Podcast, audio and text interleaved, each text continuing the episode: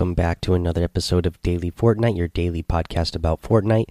I'm your host, Mikey, aka Mike Daddy, aka Magnificent Mikey. This weekend, today, the World Cup warm up cup started.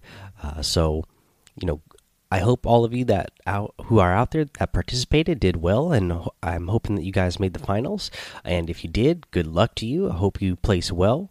Um, let's see here. I was playing today uh, with Bob, of course, and I noticed that there was really bad uh, FPS during all the matches that we played in today. Uh, yeah, the frame rate was really bad. It was really low, um, especially when you got into the end game moving circles. You know, and uh, we were doing well enough to get to those points, and then. Uh, it, it, the game became almost kind of like a, a choppy, slow motion thing. Very, uh, very strange. I've I've never seen it uh, the game uh, in any of the pop ups.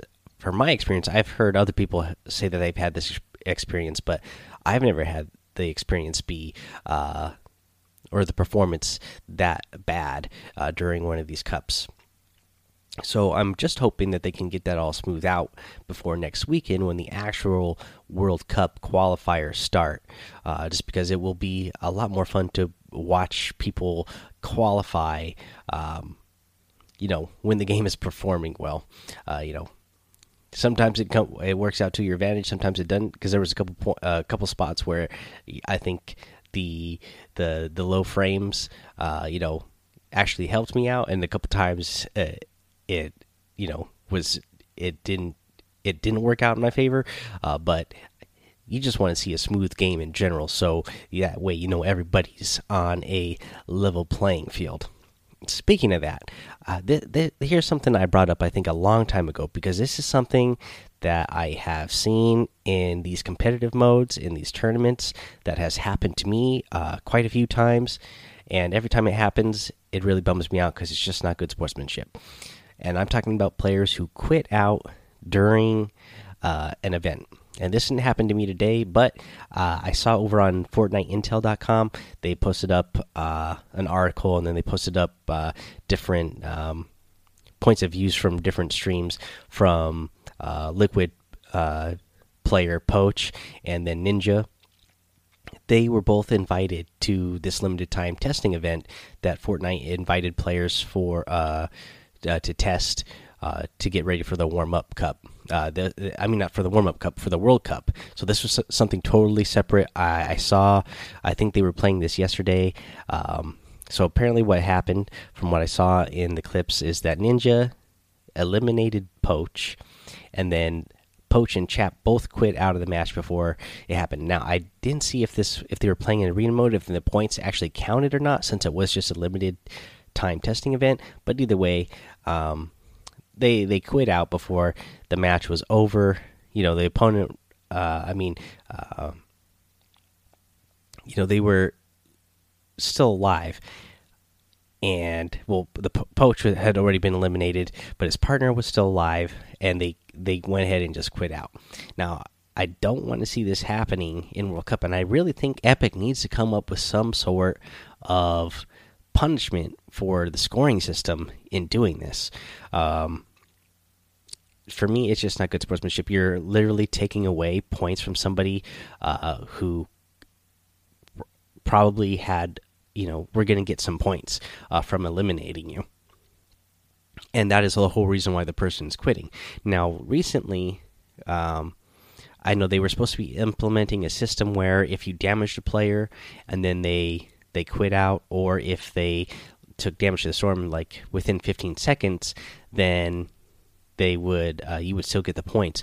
But I don't know if it always works because I know that I've uh, this has happened to me and I didn't get a point, and then um, you know even if you get somebody in a bad situation, I, I'm noticing that players are quitting before you even damage them because they know if they quit before you even damage them. So say that you and your partner they you find a solo person and then you're trying to break in their box uh, so that you can get that elimination and they know that they're in a tough spot they're being broken from two different walls um, i mean they're being attacked from two different sides and they go ahead and just quit before you can break in there and do anything, so you don't get the point. I, I just don't think that's very good sportsmanship, and um, you know, it's just something, especially if we see it in the qualifiers, and then if that's the difference between somebody, uh, you know, you know that that point is the difference between somebody qualifying and not. That's going to feel really bad, and then especially if we see it at the actual World Cup, if somebody decides that you know they want to quit because they don't want to give somebody else a point, it's not going to look good.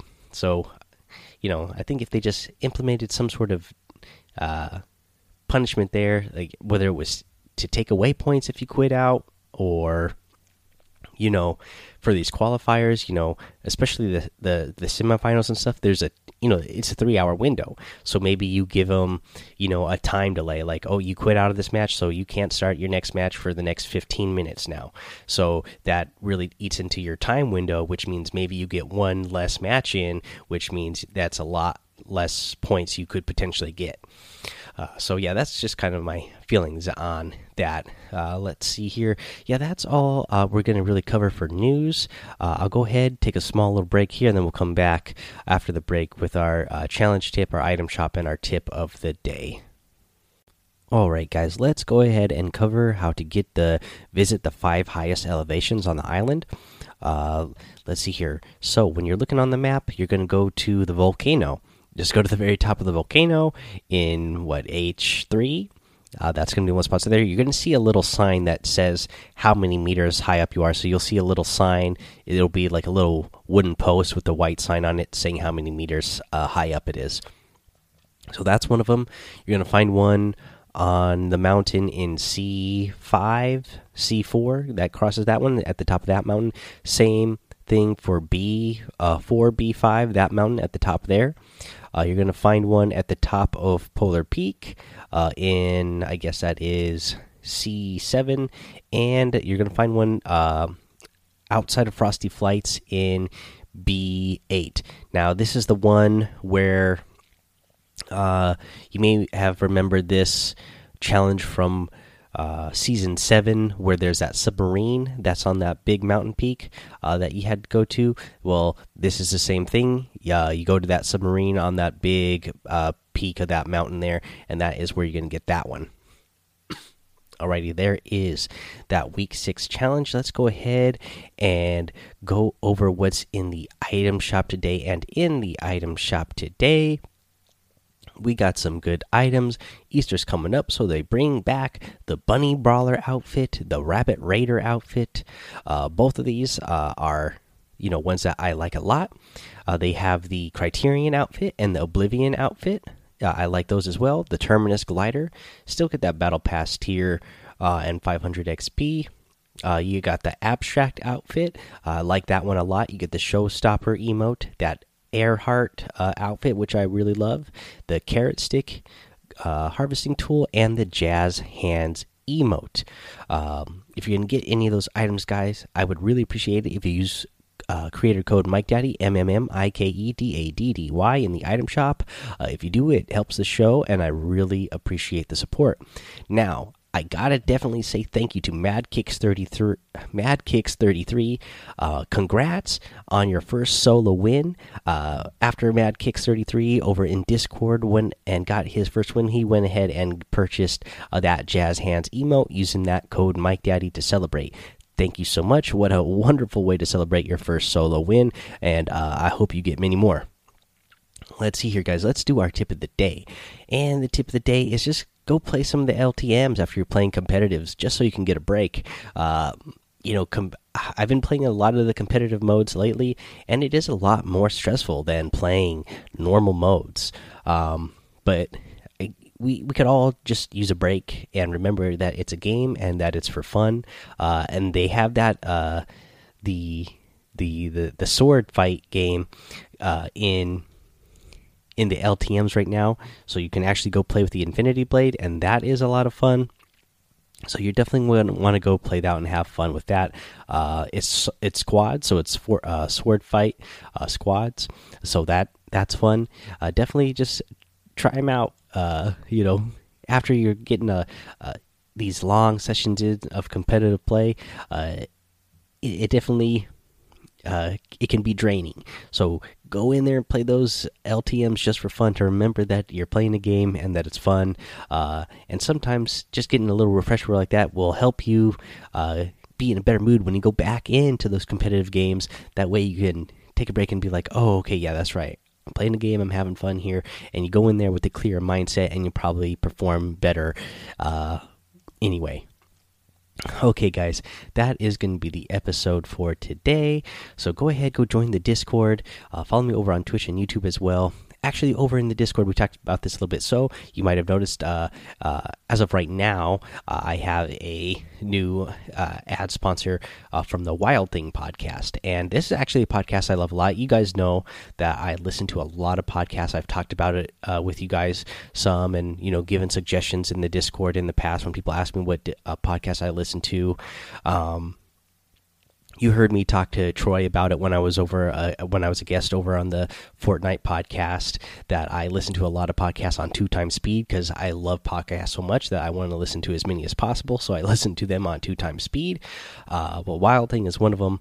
Uh, so this part is actually not even an ad. I'm just saying that I, I like this podcast because I'm actually a big uh, people were you know thought it was funny that we had a Bigfoot one, and I just wanted to say that I actually love Bigfoot lore. Uh, you know, I uh, grew up in the Pacific Northwest. In the Pacific Northwest, uh, Bigfoot, uh, Sasquatch, aka uh, Sasquatch, um, is a big part of the lore in the Pacific Northwest. You know, people are always saying he's out there uh, living in the forest somewhere up here in the Pacific Northwest.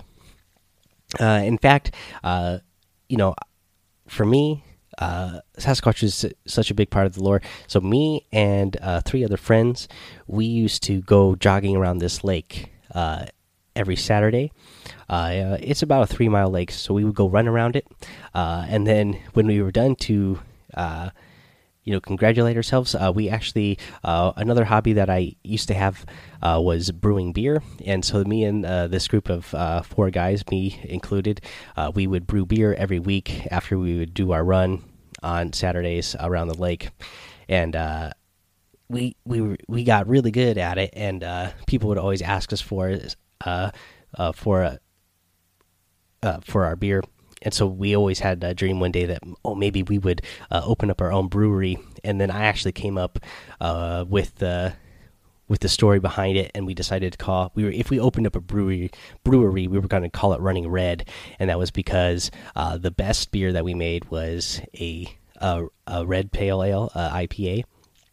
And so it was red, and then we were. I came up with this whole story that we were going to post in the in the brewery somewhere, and I, I wrote it out. It had all written, and then we had a, a logo drawn up of the of the Bigfoot character, uh, you know, with red hair and everything, because he was going to be red hair. That's why he was running red. And then, uh, yeah, it was just like, uh, the the whole story was like, oh yeah, uh, we would we were running around the lake, and then we ran across Bigfoot. He brought us back to his cave and showed us his special recipe for this red pale ale, and that and that's how we uh, got to be making this beer that was so good that everybody liked.